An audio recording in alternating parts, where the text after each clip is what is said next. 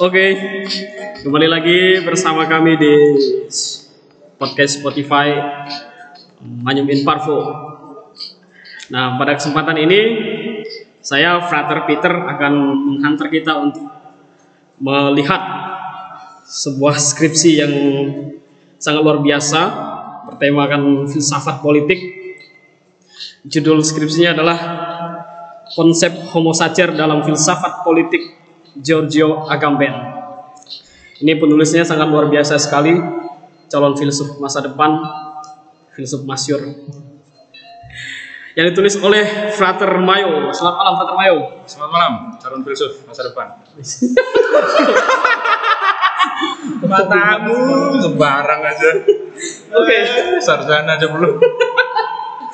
Oke, ini judulnya ini luar biasa sekali dan sangat menarik. Barangkali di beberapa orang tertentu homo sacer ini sepertinya apa ya sesuatu yang belum pernah didengar. Oh ya, pertama ini dari mana lah sebenarnya? Perkenalan dulu nih. Ya saya Mayu, asalnya dari Malang. Malang. Itu aja. Malang. Iya, asli Malang. Oh, Are Malang, Are Malang. Dari Malang. Are Malang tapi asli Manggarai. Iya, orang tua Mang- Manggarai. Betul sekali. Oke, Frater Mayo ini latar belakang kok memilih homo sacer ini apa ini atau maknanya sih apa ini? Eh, yang serius atau yang guyon? Ya keduanya bisa. Ya, yang bersandanya dulu lah. Iya. Eh, saya tuh kalau sepak bola Italia soalnya. Kita lihat ya. Iya. Klubnya apa? Jadi sebenarnya saya mau ngambil skripsi itu, ini kan Giorgio Agamben. Iya. Saya mau ngambil Giorgio Cellini. Giorgio Cellini itu Back Juventus. bek Juventus yang pernah digigit Gigit Suarez. Suarez Yang digigit, digigit. Oh ya digigit oleh Suarez. Oke. Saya emosi sama Suarez itu. Italia tidak lolos Gara-gara grup. Suarez. Oke. Gara-gara Suarez. Tahan emosi dulu Frater. Kita kembali ke skripsi, ke skripsi ini. Iya. Apa? Apa? Giorgio Agamben.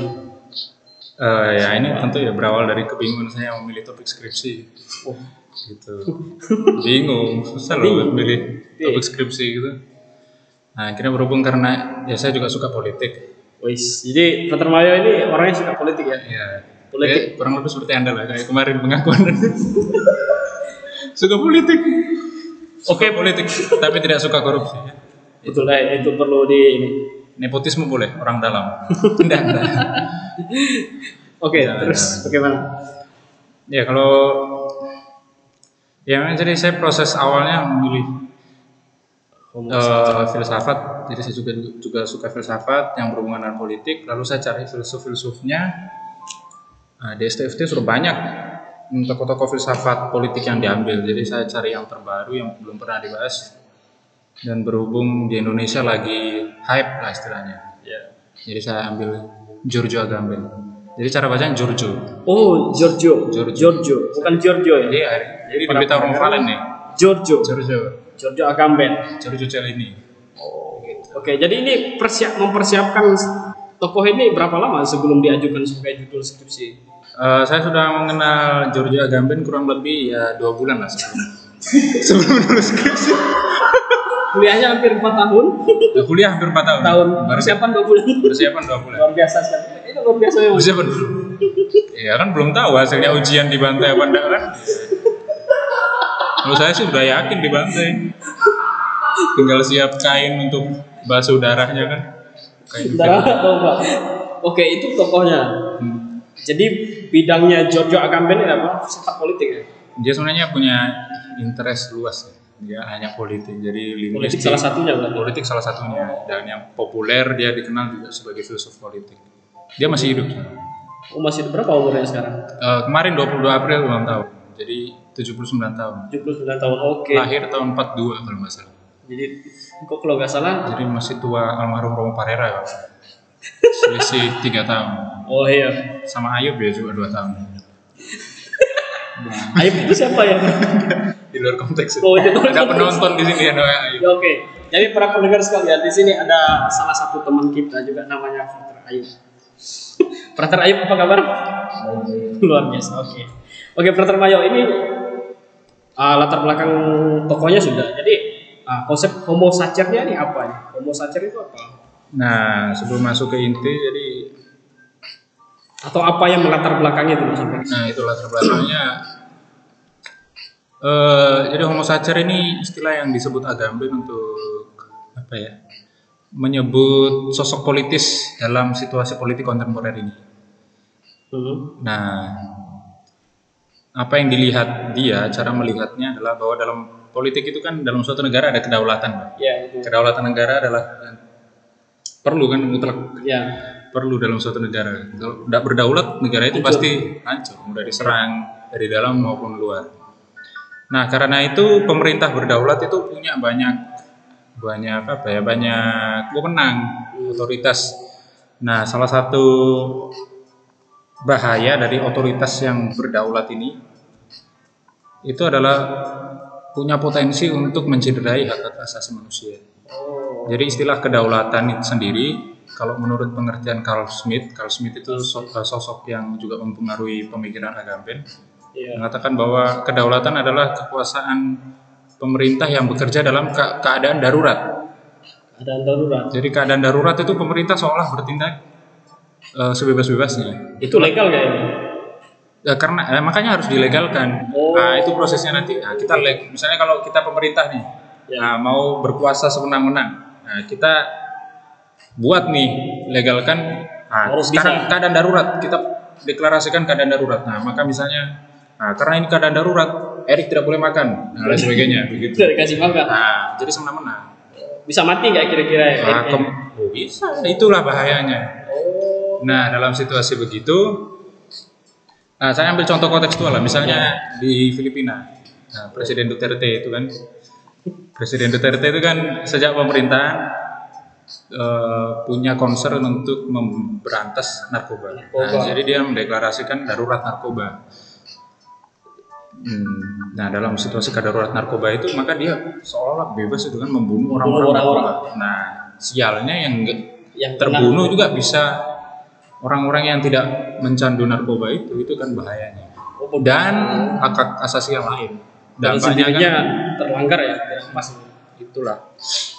Nah nggak hanya itu juga. Nah jadi dalam kaitannya eh, merefleksikan itu tadi hubungan kedaulatan dengan hak hak asasi manusia di lain pihak juga ada kasus pengungsi misalnya nah pengungsi juga demikian itu seperti apa kira-kira? Jadi misalnya pengungsi ini kan sebenarnya kita warga negara juga tuh Iya. sebagai manusia. Nah tapi karena dia itu tidak punya hak untuk tinggal dalam negaranya, Itu, oh negaranya.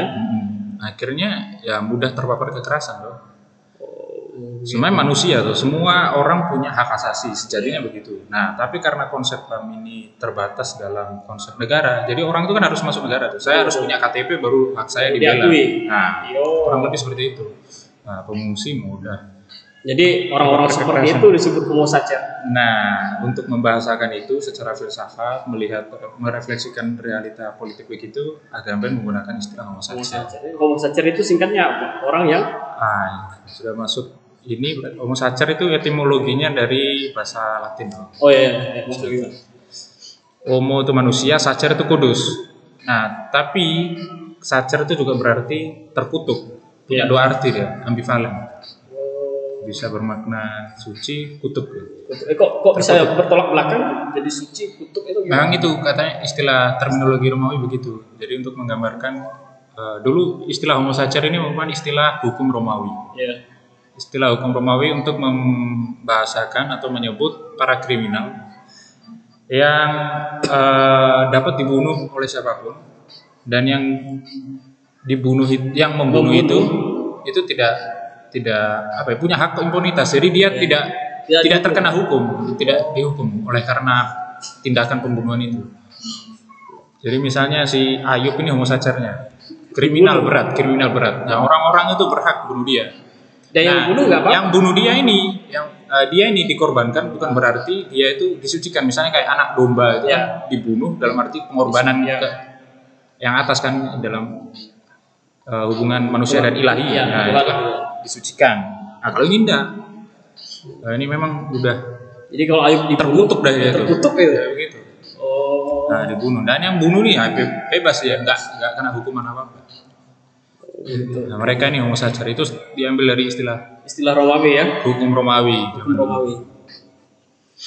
Nah, jadi orang-orang apa homo sacer ini berarti orang-orang yang betul-betul betul ya harga dirinya itu dirampas gitu. Iya, betul. Harga diri dirampas, hak asasi manusia juga dilanggar. Nah, Eh, inspirasi ini apakah Frater Mayo mengalami sendiri atau apa ini? ah, bisa jadi kalau saya bahasakan nanti di seminari juga bisa.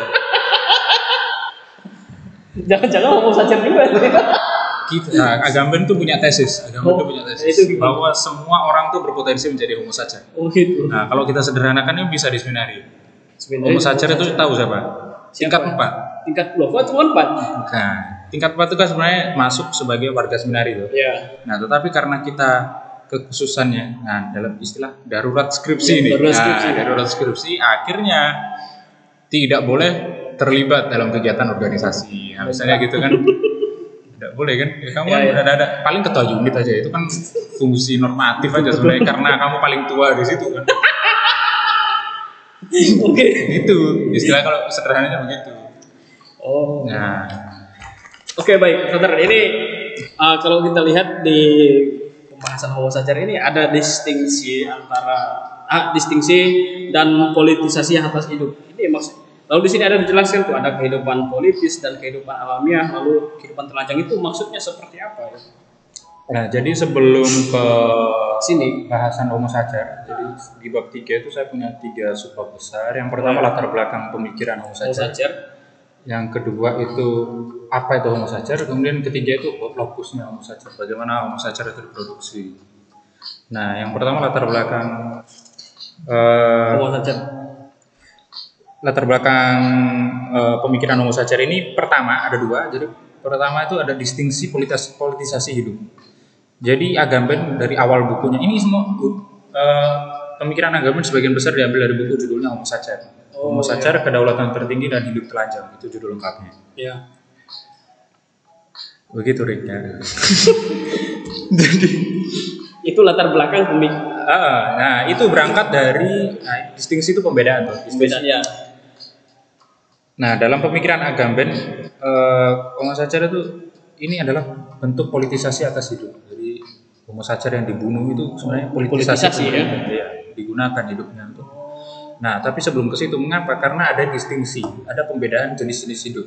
Hmm. Nah Agamben ini menelis, em, apa ya, menemukan asalnya atau mengambil latar belakang dari Yunani sendiri. Dia menyalahkan pembedaan itu dari Yunani klasik, pemikiran Yunani klasik. Dia menyalahkan pemikiran Aristoteles. Tentang apa itu? Nah, Aristoteles katanya, kata Agamben, Iya. Aristoteles membedakan jenis hidup manusia. Apa saja? Ada bios dan zoe. Nah, bios dan zoe itu artinya sama-sama hidup. Ya. Bios kan terkenal, anu, kita kenal umum kan. Bios Iya. memang artinya hidup. Yang nanti kita tahu biologi itu kan ilmu gitu. Nah, bios dan zoe itu sama-sama hidup, tetapi bios itu sebenarnya hidup yang sudah terlibat dalam Aktivitas politik. aktivitas politik, sudah terintegrasi dalam hidup politik. Nah, sementara Dan zoe? zoe itu hidup alamiah. Jadi kita ini misalnya kalau anak-anak belum 17 tahun, belum punya KTP itu hidup naturalnya begitu. Cuma misalnya ya tar- kasarannya cuma makan minum aja di rumah gitu. Nah, ah, kalau tempat tinggalnya itu ibarat kalau eh, kalau pemikiran Aristoteles itu bios itu sudah terlibat di polis, Ya. di kota, sementara Zoe itu masih orang yang tinggal di oikos rumah tangga. Maksudnya- Jadi lebih dulu Zoe daripada Bios. Nah, Zoe dari- Tapi kok di sini Bios dulu baru Zoe. Bu- bukan ini bukan soal apa mana yang lebih dulu, Oh gitu. hanya pembedaan aja. Pembedaan saja. Pembedaan aja. Nah, Oke.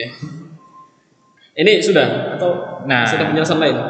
Tetapi Agamben menemukan bahwa sebenarnya tidak hanya itu. Nah, Ada juga apa? Hidup telanjang. Ah.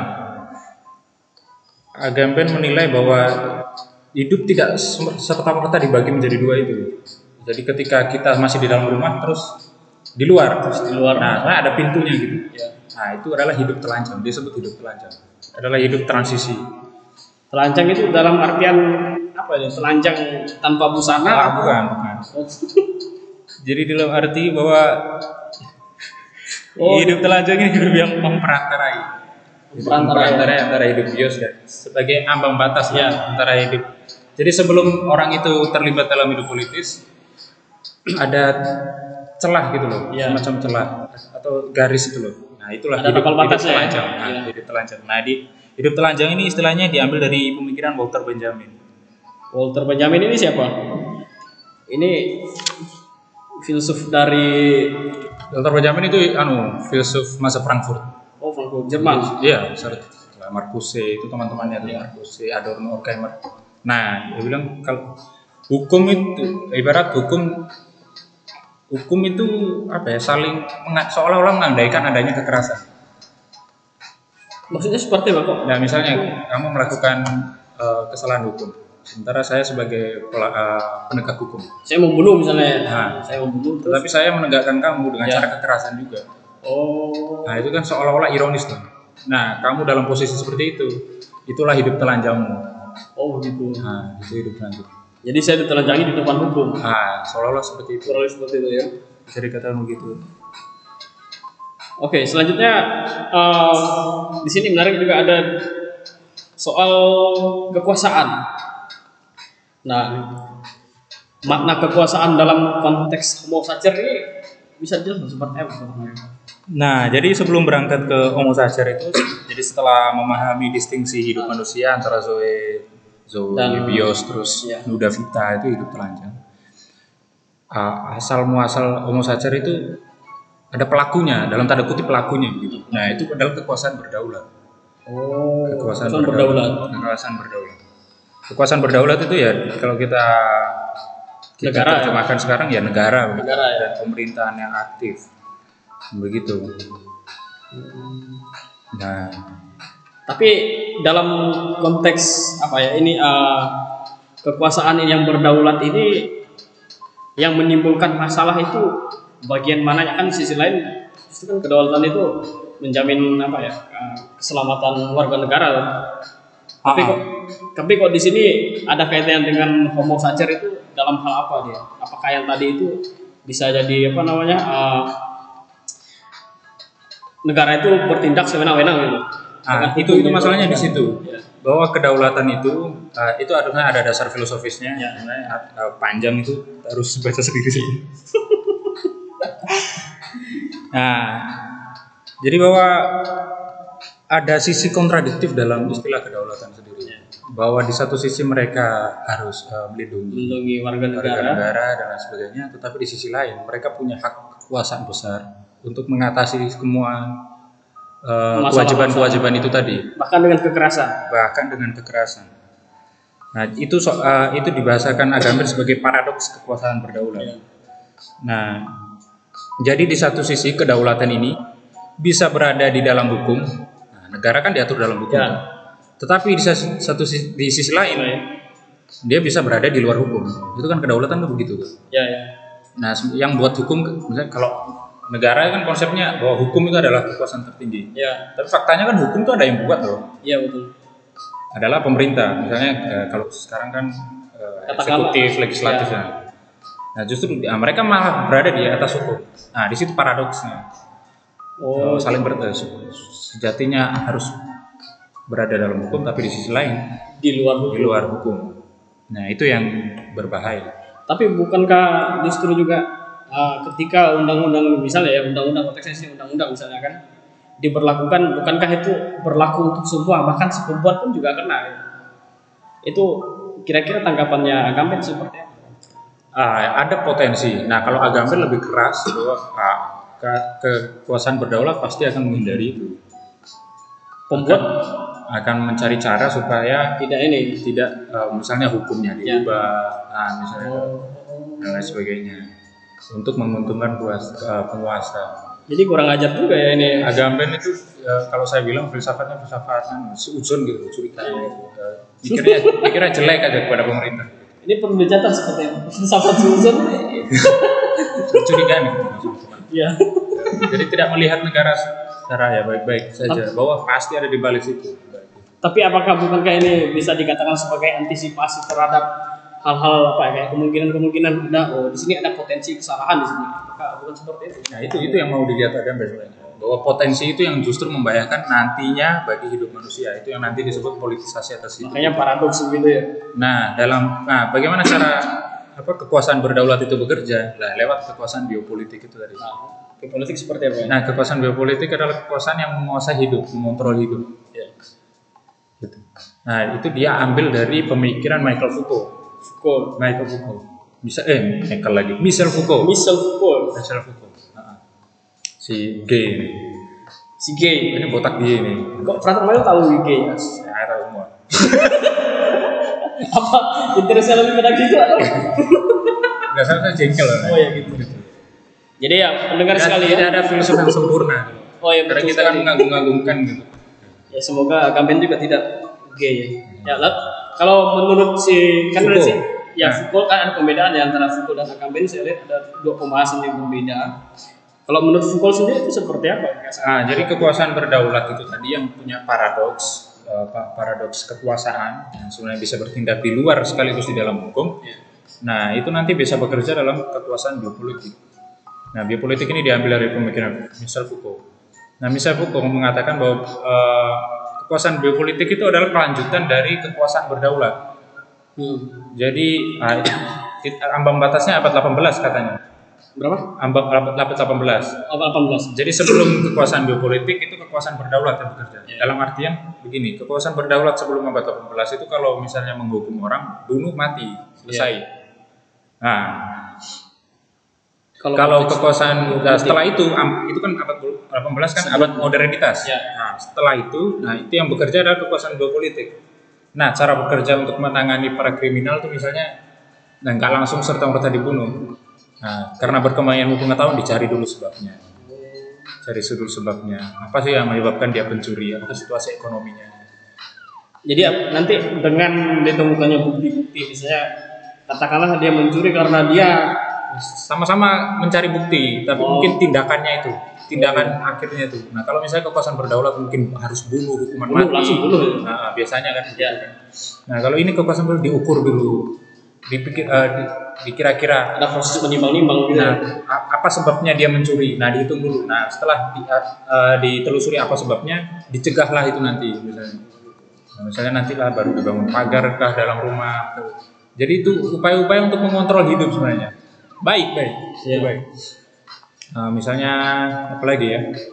Uh, mengukur uh, tingkat kematian anak dan ibu setelah kelahiran. misalnya. Ya. Nah, kalau misalnya kalau sebelum kekuasaan berdaulat kan ya, mati mati aja gitu Ya. kan. Nah, kalau untuk modernitas kan dipikir dulu sebabnya ada sebab-sebab kesehatan. Nah, nanti dibuat statistik lah dibandingkan misalnya daerah yang kotor begini, daerah yang bersih begini. Oh, maka harus begini, harus mengikuti daerah yang bersih. Jadi dibuat ada langkah-langkah pencegahan kemudian Nah, jadi ya, sistem yang dibangun itu sistem yang mengukur gitu. Jadi membangun eh, lebih ke mengontrol hidup manusia, itu biopolitik. Biopolitik itu, Itu biopolitik. Michel Foucault atau keduanya Agamben sendiri menulis Nah, kalau Agamben lain. Agamben mengatakan bahwa sejak awal cara kerja kepemimpinan adalah dengan biopolitik. Jadi kalau yang tadi itu seolah kontinuitas kelanjutan. Jadi kerja ke apa, Dari kekuasaan berdaulat itu selesai, lalu kekuasaan biopolitik. Kalau Agamben enggak dari awal bahwa cara kerja pemerintahan itu adalah mengontrol hidup, nah, biopolitik. Biopolitik kan bios politik, Iya. mempolitisasi, kasarannya politisasi atas hidup manusia. apakah bisa dikatakan bahwa ini adalah kritik Agamben terhadap Foucault Iya, itu sekaligus kritik terhadap Foucault. Dia sekaligus mengambil, sekaligus mengkritik. mengkritik juga Jadi, itu cara kerjanya. Oke, jadi selanjutnya kita melihat uh, setelah ada beberapa pendasaran tadi sudah dilihat baik itu apa namanya latar belakang pemikirannya, lalu ada distingsi tentang uh, kehidupan politis dan kehidupan alamiah. Lalu figur Homo sacer itu sendiri seperti apa? Nah, seperti yang saya Yang katakan, secara khusus menurut Agamben kan ini kan? ah, mereka ini eh, seperti itu tadi, seolah-olah seperti pelaku kriminal yang dapat dibunuh oleh siapa pun, tetapi pembunuh memiliki impunitas. Itulah Kualitas. Tidak Jadi bisa sampai, dihukum. Nah, tapi sampai sekarang it- it- eh, istilah itu diadaptasi Agamben untuk membahasakan situasi sekarang. Nah, jadi biopolitik itu tadi kan eh, Ka- Agamben mengatakan itu dari awal. Ya, ya. Dari awal dalam artian ke itu tadi pemikiran Aristoteles bahwa sejak awal itu biopolitik. Ya, salahnya dari karena Aristoteles membedakan itu tadi jenis hidup manusia bahwa ada bios, ada bios dan ada, ada zoe. zoe. Nah, apa yang menghasilkan hidup telanjang itu tadi? Sebenarnya, nah kita itu kan sebenarnya kita kalau misalnya mau hidup politis itu kan misalnya kalau kita boleh ikut pemilu misalnya harus punya KTP umur 17. 11 tahun. Nah, kita sudah masuk ke ranah bios. Ya. Nah, tetapi di satu sisi misalnya eh, hak hak kamu juga dicabut itu misalnya. Dalam Oh, terbatas jadi ya, kemudian Nah, terbatas. misalnya kamu eh, sebagai tahanan politik atau apa ya? Ada kan yang tidak boleh memilih itu. Oh, Mungkin militer, militer saya tidak boleh milih. militer dan apa itu? Eh boleh milih hanya nggak boleh berpihak. kan? Militer tidak boleh memilih. Nggak boleh milih ya? Boleh PNS juga enggak. Eh, Setahu saya begitu. Nah, intinya mereka kan secara ukuran itu Iya. sebenarnya sudah masuk bios tuh. Nah, ada tetapi hak hak mereka ada dibatasi. Ya dalam arti eh, dalam arti itu hidup mereka itu nggak sepenuhnya bios dan nggak sepenuhnya Zoe. Nah itulah tadi hidup telanjang. Oh, begitu. Nah. Oh, itu konteks Itu tadi untuk menjelaskan hidup telanjang. nah, telanjang. Nah, hidup yang sudah menjadi hidup telanjang itu kan bekerja melalui itu tadi kekuasaan berdaulat Ya. yang bekerja melalui sistem geopolitik. Mereka itu yang menciptakan situasi hidup kita itu pada hidup telanjang. Ya. Kita hidup kita tuh merosot semuanya menjadi hidup telanjang. Nah, itulah homo sacer kita tuh homo sacer. Homo sacer. Jadi dengan demikian kita bisa dikatakan semuanya adalah homo sacer. Eh, Oke, ini menarik sekali. Gitu. Menarik sekali. Kalau kita ambil konteks yang lebih jauh lagi, ada locus homo sacer. Ada ada locus homo sacer. Eh, ini maksudnya seperti apa? Ada locus homo sacer. Jadi untuk menjelaskan di sini nih ditulis ada keadaan ekspresi juga Eksepsi. eksepsi ya sorry eksepsi Nah, keadaan eksepsi maksudnya seperti apa Nah, homo sacer tadi itu kan orang-orang yang eh, itu tadi hak haknya tercerabut lah. Iya. Kalau istilah sekarang mungkin mereka yang imigran, terus misalnya contohnya yang ter marginal kan termasuk ya itu diskriminasi minoritas, kaum minoritas. ya ya Nah itu tadi, itu mereka kan hidupnya terhidup telanjang. Mereka sebenarnya sudah umurnya 17, ya misalnya sudah punya KTP. Tapi karena mereka ini penganut kepercayaan misalnya, iya bukan Nah. agama yang diakui ya nah itu mereka hidupnya sudah hidup telanjang. oh Karena nggak diakui itu agamanya. haknya enggak ada Nah, itulah homo sacer. Nah, hubungan antara homo sacer dan kekuasaan berdaulat tadi di bab dua, eh, di 3.2 itu adalah penelantaran. Bahwa pemerintah itu sebenarnya enggak bukan eh, seharusnya kan bekerja membangun kehidupan masyarakat. Iya. Nah, sejatinya kalau agama melihat enggak hubungan relasi relasi pemerintah dan warga negaranya itu penelantaran. Kita tuh udah telantarkan. apakah itu konsepnya mutlak sebenarnya atau Nah, itu konsep bahasa agama. bahasa agamben bahasa Inggris yang diambil dari Jean-Luc Nancy. siapa Ada filsuf Prancis, Oh. Prancis namanya Jean-Luc Nancy. Gitu. Itu itu hubungan antara penelantaran jadi kalau dipikir-pikir dengan demikian cara kerjanya itu tadi Ya, politik cara kerjanya. melantarkan kita. Dalam arti itu oh ini berarti yang dimaksud dengan filsafat suzon tadi itu ya Iya. curigaan agama ini luar biasa sekali begitu. kritik, kritik terhadap. Nah, lalu kemudian ada nah, lokus lokus dalam artian lokus itu kan tempat tuh. Hmm. Dalam artian tempat bagaimana homo sacer itu diproduksi sekaligus tinggal. ya Nah, Agamben menilai bahwa homo sacer itu diproduksi lewat mekanisme keadaan darurat tadi keadaan darurat. Jadi eh, eh, pemerintahan berdaulat dengan cara kerja biopolitik tadi mendeklarasikan keadaan darurat, sehingga mereka juga bisa bertindak di, di atas hukum itu tadi. Iya. Nah, pada akhirnya yang eh, korban-korbannya itu adalah warga negara karena penerapan eh, keadaan darurat tadi itu ya darurat itu tadi status keadaan darurat status keadaan darurat. Begitu. Sederhananya begitu. Sebenarnya ada dasar filosofisnya. Dia ambil itu dari Smith dan Benjamin. Begitu. oke oke Eh, lalu hubungannya kalau kita ngomong soal Kemp sebagai paradigma biopolitik modern itu seperti apa? Apakah itu Nah, itu tadi. Itu tadi. Nah, ketika keadaan darurat itu berlaku, itu kan sebenarnya keadaan darurat ya cuma pas keadaan darurat saja tuh. Kalau setelah itu sebenarnya Situasional. nah situasional. Ya. Setelah itu enggak tidak lagi, tidak lagi darurat. Nah, tetapi agama menilai bahwa keadaan darurat ini sudah menjadi aturan bahwa cara hidup bernegara ini sudah dalam hidup keadaan darurat begitu. dan semua harus mengakui itu Nah, nah, kita seolah-olah ditempatkan pada situasi keadaan darurat. Misalnya seolah-olah sebenarnya nggak ada. gitu. Disituasikan seperti itu, dikondisikan. Nah, ketika keadaan darurat telah menjadi aturan, aturan tetap. Misalnya sekarang keadaan darurat narkoba begitu. Kalau di Filipina misalnya. Ya, benar. Nah, nah, pemerintah sudah menetapkan keadaan darurat narkoba. Nah, sudah di, mereka yang di disangka sudah menjadi tersangka ya atau pengguna narkoba ditembakkan walaupun belum ada bukti-bukti nah, tanpa tanpa pengadilan dan sebagainya mekanisme hukum nah soalnya masyarakat sudah terbiasa hidup di situ. Iya. nah seolah-olah keadaan darurat dinormalisasi gitu. jadi menjadi keadaan harian. Ya jadi tidak lagi darurat. Nah ketika keadaan darurat itu menjadi sudah tetap sudah konstan sudah aturan menjadi seolah ya itulah menjadi hidup tetap masyarakat nah di situlah situasi seperti camp. Oh. Camp Nazi. Eh seolah ya itu dia. Kurang lebih seperti itu jadi situasi kita itu agama mengatakan bukan lagi kota sistem tata negara itu kita tuh camp tinggal di Tapi yang menarik sebentar Dr. Mayo ini tadi ada salah satu pernyataan yang mengatakan bahwa eh, keadaan darurat itu semacam situasi atau yang dikondisikan. Padahal sebetulnya enggak kan. Nah, itu menurut saya bukankah status keadaan darurat itu memang ada faktanya? oh ya ada ada faktanya ada faktanya namun setelah itu menjadi aturan kita sebagai warga negara kan akan melihat itu seolah seperti menjadi biasa Oh begitu. Oh maksudnya Iya. karena keadaan darurat itu ya keadaan darurat diberlakukan setelah itu kan pasti menjadi aturan tuh Seperti, pasti menjadi aturan ada undang-undang yang menetapkan kita dalam status darurat Iya.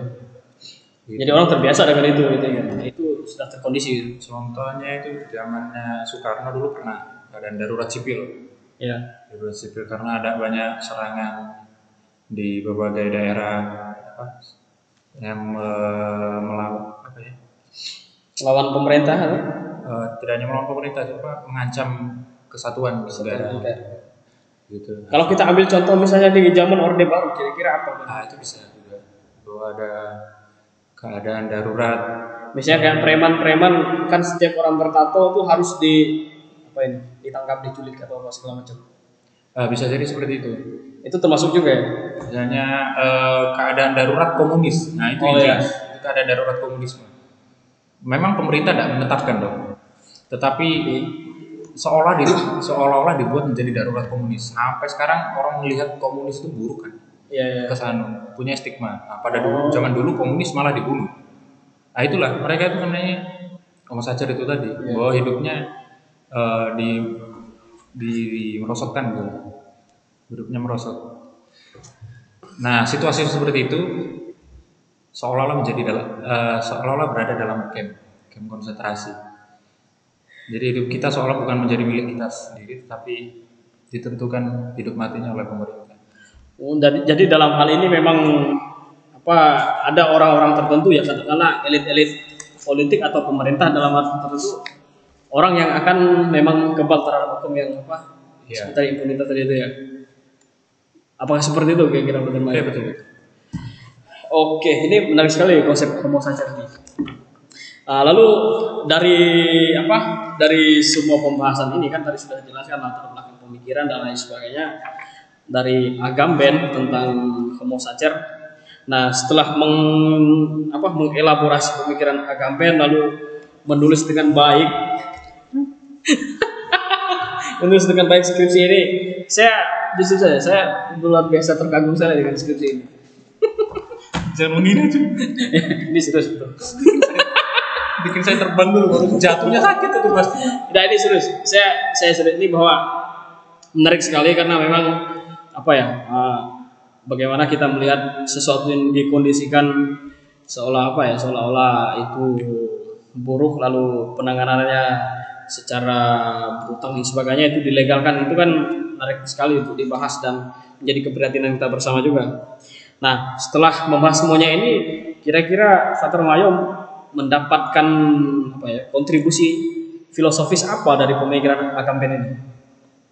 Agamben memberikan kontribusi pemikiran yang seperti apa gitu? Eh, kontribusinya saya melihat ada tiga poin bahwa pertama ada kritik Agamben terhadap eh, konsep HAM Konsep HAM. dan sekaligus terhadap eh, Pengungsi, melihat- migran dan fenomena. Nah itu seperti apa kritik? Kan yang dibatasi tadi itu ya? Iya, nah jadi HAM itu eh ini diambil dari pemikiran Arendt juga. Arendt itu kan membahas juga problem pengungsi.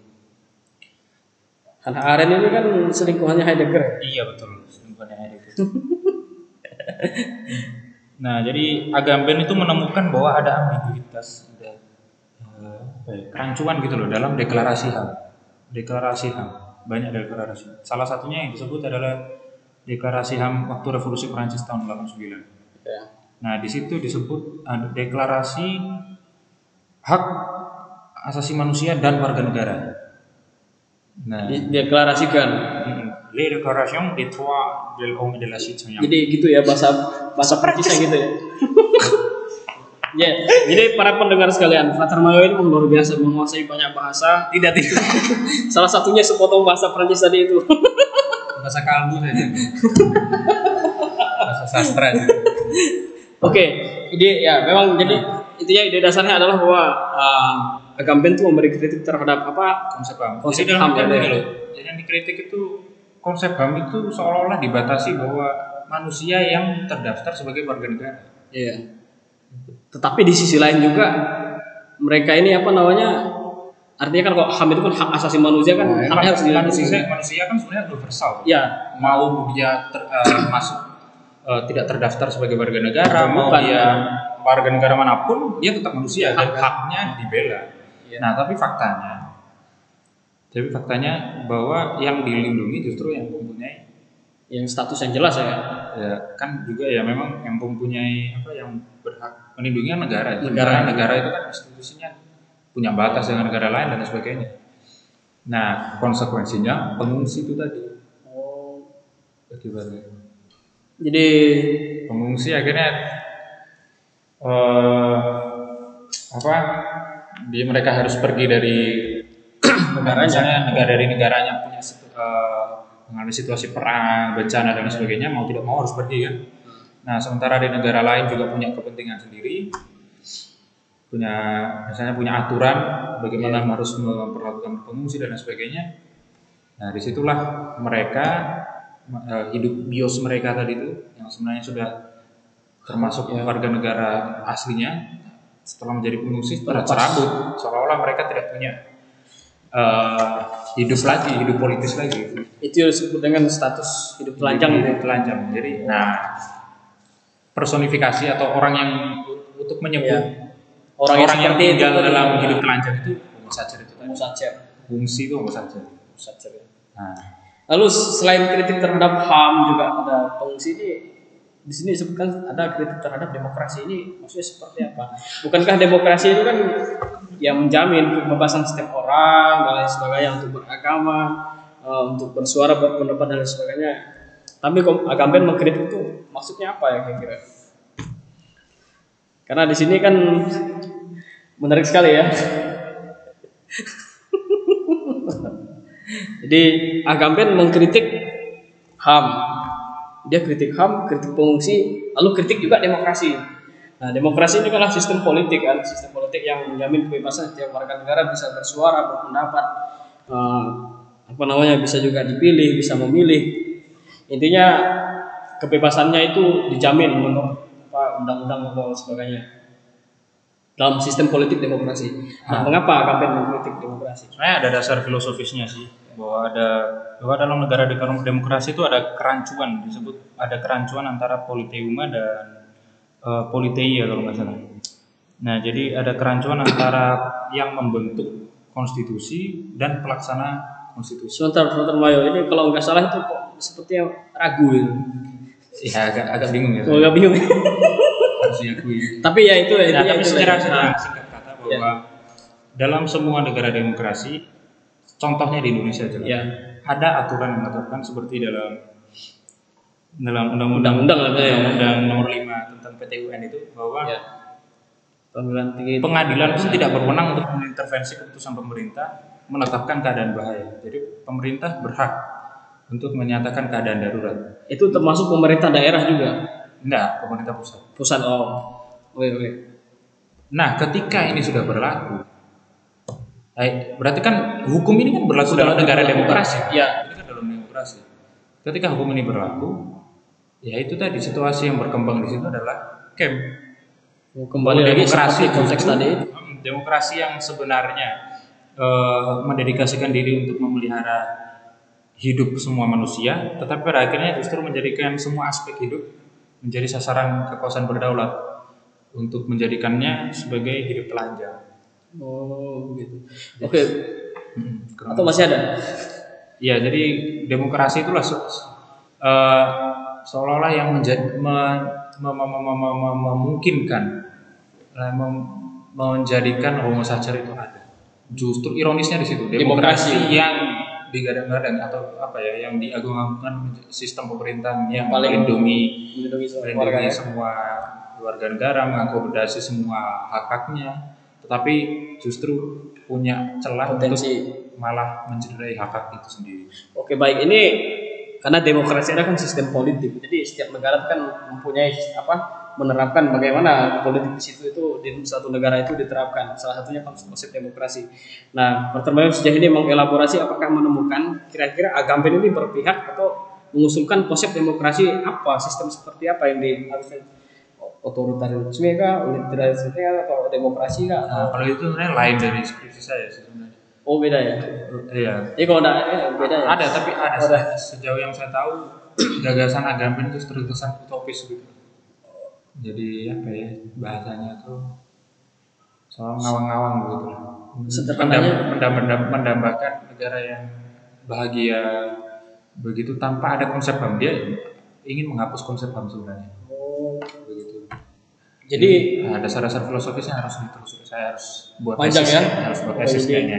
Oke, baik itu bisa disiapkan untuk S2 nanti di apa di Roma. Nah, ya. Oke, siap. Di Rombengan Malang. Oke, Frater Bayu, selanjutnya apakah kritik Agamben ini mengarah kepada hal yang lain? Kira-kira selain daripada dua hal yang telah disebutkan tadi, Eh, saya melihat ini sebenarnya homo sacer itu apa sih? temuan dari saya sendiri. Saya melihat bahwa eh, Agamben itu temuan Agamben yang apa, Apakah- menyebut Homo sacer sebagai eh, figur politis yang terpinggirkan dalam situasi negara itu seperti lian Pak. Dan konsep Iya. lian lian dalam dalam bahasan bahasan atau diskursus etika sebenarnya. Ya. Jadi saya menyebut Homo sacer itu sebenarnya lian dalam konsep konsep etis. Lian itu apa, Lian? Dari lian saya menggunakan eh, saya mengutip pemikiran Levinas, Sartre juga ya? juga Armada eh, banyak di Armada bahwa lian itu adalah mereka yang kalau Armada membahasakan secara puitisnya sekitar pojok-pojok kemah kehidupan marginal, vulnerable dan isolated. Mereka yang tertindas. Itu bahasa- Lian itu adalah orang-orang yang tertindas, mereka terpinggirkan. yang terpinggirkan. Itulah mereka itu homo sacer. Kalau kita- kalau di sini kan kita punya teman Frater Erik, Frater Ayub ini apakah wajah-wajah Lian seperti ini kira-kira? Oh, lian, lian itu tidak dinilai dari wajahnya. Oh, jadi lebih pada realita hidup itu. Realita. realita realita hidup. Jadi kita bisa melihatkan mereka, mereka juga bisa melihatkan kita. Memang mukanya memang mewakili, ya, representatif muka lian. Nah, kalau ada buku lian, covernya mereka aja. Oke. Oke. Jadi homo sacer itu adalah lian. Jadi Agamben dalam elaborasi Frater Mayo itu melihat bahwa Agamben itu mengkritik HAM, juga mengkritik uh, sistem demokrasi, juga melihat homo sacer itu sebagai lian. Nah, sejauh ini ya pasti kan suatu pemikiran itu kan tidak mutlak selalu benar atau apalah gitu kan.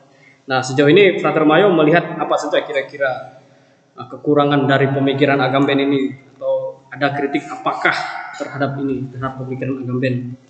Saya melihat ada tiga sebenarnya, terus saya rangkum menjadi dua poin Ya. itu. Pertama, sebenarnya Aristoteles, eh Aristoteles, Agamben itu Agamben.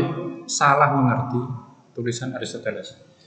Nah, salahnya itu di mana ya? Bahwa Aristoteles sejatinya tidak pernah membedakan jenis hidup manusia. Oh, jadi salah salah memahami itu salah ya? membaca tulisan Aristoteles. Itu singkatnya dari Iya, poin iya. yang pertama. Jadi Lalu? Aristoteles tidak pernah membedakan bahwa bios dan zoe. Oh, begitu. Bios dan zoe itu memang istilah Yunani, artinya sama. Tapi Aristoteles memang pernah menulis itu dia baca sebenarnya. Barangkali. Iya, pernah menulis itu dalam tulisannya, tapi tidak membedakan. ada dua jenis hidup gitu tidak Oke menarik itu dia salah anu ya salah memahami pemikiran Aristoteles. Oke selanjutnya yang kedua itu apa? Tadi kan ada disebutkan. Eh, lebay terlalu lebay kritiknya agak begitu kan kita kalau melihat narasinya hiperbol terlalu berlebihan Jadi- oh, pemerintah itu kok dalam keadaan darurat terus hidup ini Iya. begitu Jadi apakah Agamben itu orang yang cemas ya? So kan tadi kan disebutkan suzon ya. Iya. Agak Filsafat kecemasan. filsafat pesimis Pesimis Iya. ya. jadi begitu Oh oke oke oke baik baik Eh, baik. kan pernah memang dituding pesimis orang pesimis Pesimis ya. dia justru mengatakan nah, bukankah dalam bentuk pesimis yang paling radikal di situ tersimpan harapan Wes. Bukankah gimana tadi? Agak susah juga dimengerti. Agak susah. susah susah berat pernah pesimis dulu terhadap pemikiran Agamben Ketika ada pesimis di situ, bahwa justru di situ ada timbul harapan yang besar. Jadi para pendengar sekalian, kalau anda pesimis jangan takut karena di situ ada harapan yang besar untuk bangkit dan lain Nah, sebagainya. ada- selain itu tadi eh, narasi hiperbol, terus ada itu dia punya Tendensi tendensi esensial. esensialis. Esensialis. Artian dia sebenarnya dari awal itu kan mencoba membongkar, membongkar tatanan lama. Dalam artian membongkar cara pikir lama yang pemerintah itu yang kokoh begini, yang apa eh, sudah begini, sudah jadi dalam Iya. sistem politik yang jadi. Oh, misalnya eksekutif, yudikatif, legislatif itu. Tapi agama melihatnya kan dibongkar begitu loh Iya. ada celah-celahnya bahwa ada kemungkinan potensi eh, menormalisasi keadaan darurat dan lain sebagainya.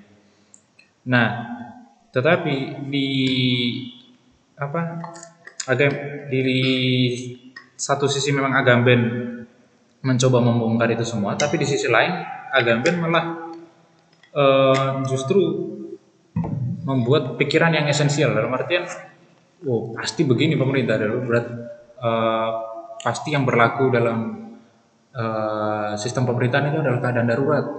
Bahwa dalam eh, paradigma politik sekarang bukan kota tetapi camp itu menjadi eh, teori yang esensial teori esensial yang sebelumnya hendak dia bongkar tapi malah dia sendiri justru jatuh pada kecenderungan itu gitu maksud itu kritiknya Ya, itu yang dimaksud dengan Tendensi. ada tendensi esensialisme itu. ya. sebenarnya dia mem- mau membongkar mencari celah-celah eh, itu tadi kemapanan pemerintah begitu sistem pemerintahan tapi di sisi lain dia jatuh malah membuat eh, apa teori bahwa negara itu pasti begini. Dengan itu tadi yang kalian sebut.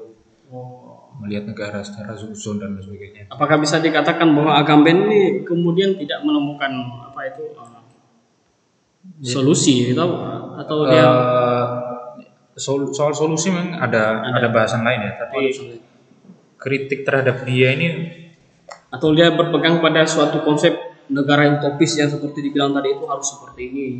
Karena ini darurat atau bagaimana? uh, bisa jadi itu itu juga ya. Tapi ini sebenarnya saya mencoba menggambarkan pemikiran agama itu Berbeda dari pemikiran dia ya. Oke. orang mengatakan bahwa dia ini kurang terbuka lah atas realitas politik dan demokrasi. Bahwa demokrasi kan nggak ya sejelek-jelek pandangan dia. Nggak sejelek-jelek amat gitu. Jadi dia ini tidak mendukung demokrasi lah dalam pandangan sederhananya. Oke, baik. Jadi ada dua kritik Frater Mayo yang Frater Mayo tampilkan terhadap pemikiran Agamben ini, yakni ya disingkat dengan kata bahwa Agamben adalah filsuf yang bisa dikatakan lebay. Karena melebih-lebihkan sesuatu atau ya itu tadi filsuf lebay filsuf lebay. Jadi filsafat filsafatnya bisa disebut filsafat kecemasan atau filsafat suzon.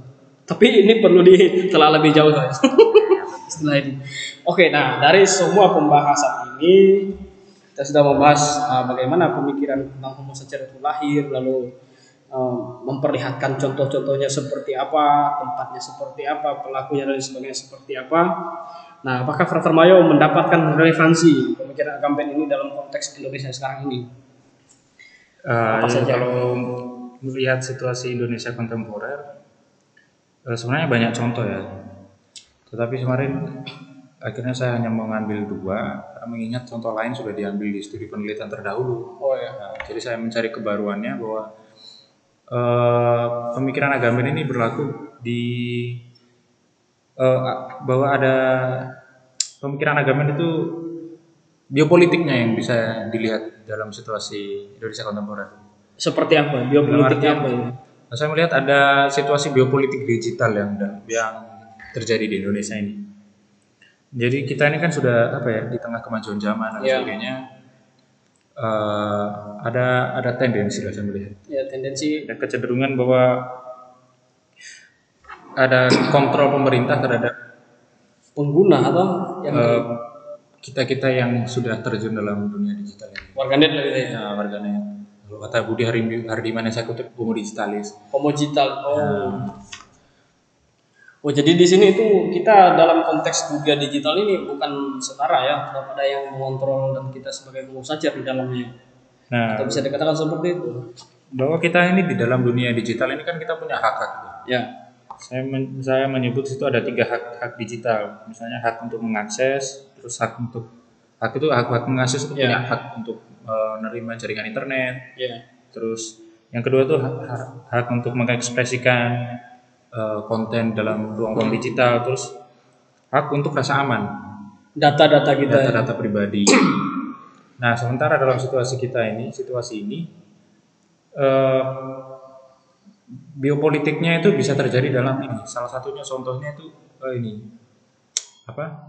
Polisi siber. Oh ya, Kemarin kan baru-baru ini kan ada baru dibentuk polisi kan? cyber ya. Polisi cyber itu kan mencoba mengkontrol dunia digital kita. kan. Nah, dalam arti itu itu itu bentuk kontrol. Hak kita hak kita yang sudah dimiliki tadi itu sebenarnya juga dibatasi dalam arti tertentu. Jadi dengan demikian kalau kita katakan berarti kita masuk dalam ranah digital itu kita sebagai manusia telanjang gitu. bisa disebut demikian. Nah, ketika hak-hak kita itu sudah dicabut, sudah hak-hak kita misalnya terlanggar, misalnya ada eh, waktu kejadian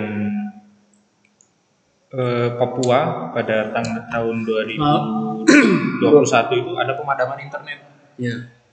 Nah, itu. Nah, Kominfo mengatakan itu untuk eh, kestabilan politik, Stabilitas, ya. stabilitas. Tapi Di sisi lain itu sebenarnya sisi membatasi lain- ini ya. sisi lain itu membatasi eh, kebebasan juga di situ pemerintah ada ada apa ya ada kecenderungan memberikan informasi yang lain dari sebenarnya hal yang sebenarnya memanfaatkan situasi internet yang dipadamkan itu jadi ketika internet padam niatnya memadam hoax di situ Ya. Nah, tetapi di tempat lain malah berkembang Hoax yang apa hoax berita yang berbeda ya. Nah, dari situasi nyata yang terjadi di situ Jadi dalam konteksnya dengan demikian bahwa orang-orang yang seperti itu tadi apa namanya yang dibatasi kebebasannya dalam eh, bermedia sosial atau dalam dunia digital adalah homo sacer gitu ya. Kita yang hak-hak yang sudah tercerabut dari itu, Homo sacer. hak-hak digital itu ya kita lah homo sacer. Homo sacer. Jadi kalau sekarang misalnya Frater Eric atau Frater Eric sekarang main Main game, main Main media sosial, homo sacer. Homo sacer. data kita kan tidak sepenuhnya milik kita. Itu kan ada yang kontrol. Ya oke, Jadi jadi Anda kuota Kemendikbud, pakai kuota Kemendikbud, Anda tidak bisa pakai Twitter dan Instagram. ya. video call bisa lah. Video call masih bisa. Bisa. Begitu. Oke, itu konteks geopolitik digital. Nah, selain itu, Frater Mayo menemukan apa?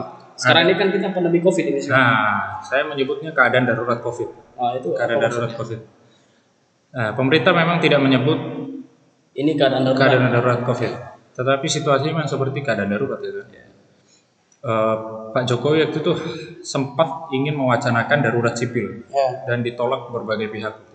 Langsung ditolak karena memang berbahaya. Tapi sekalipun itu tidak terjadi, tetapi situasi pandemi ini kan emang tidak mau kan menempatkan kita dalam situasi darurat ya kan.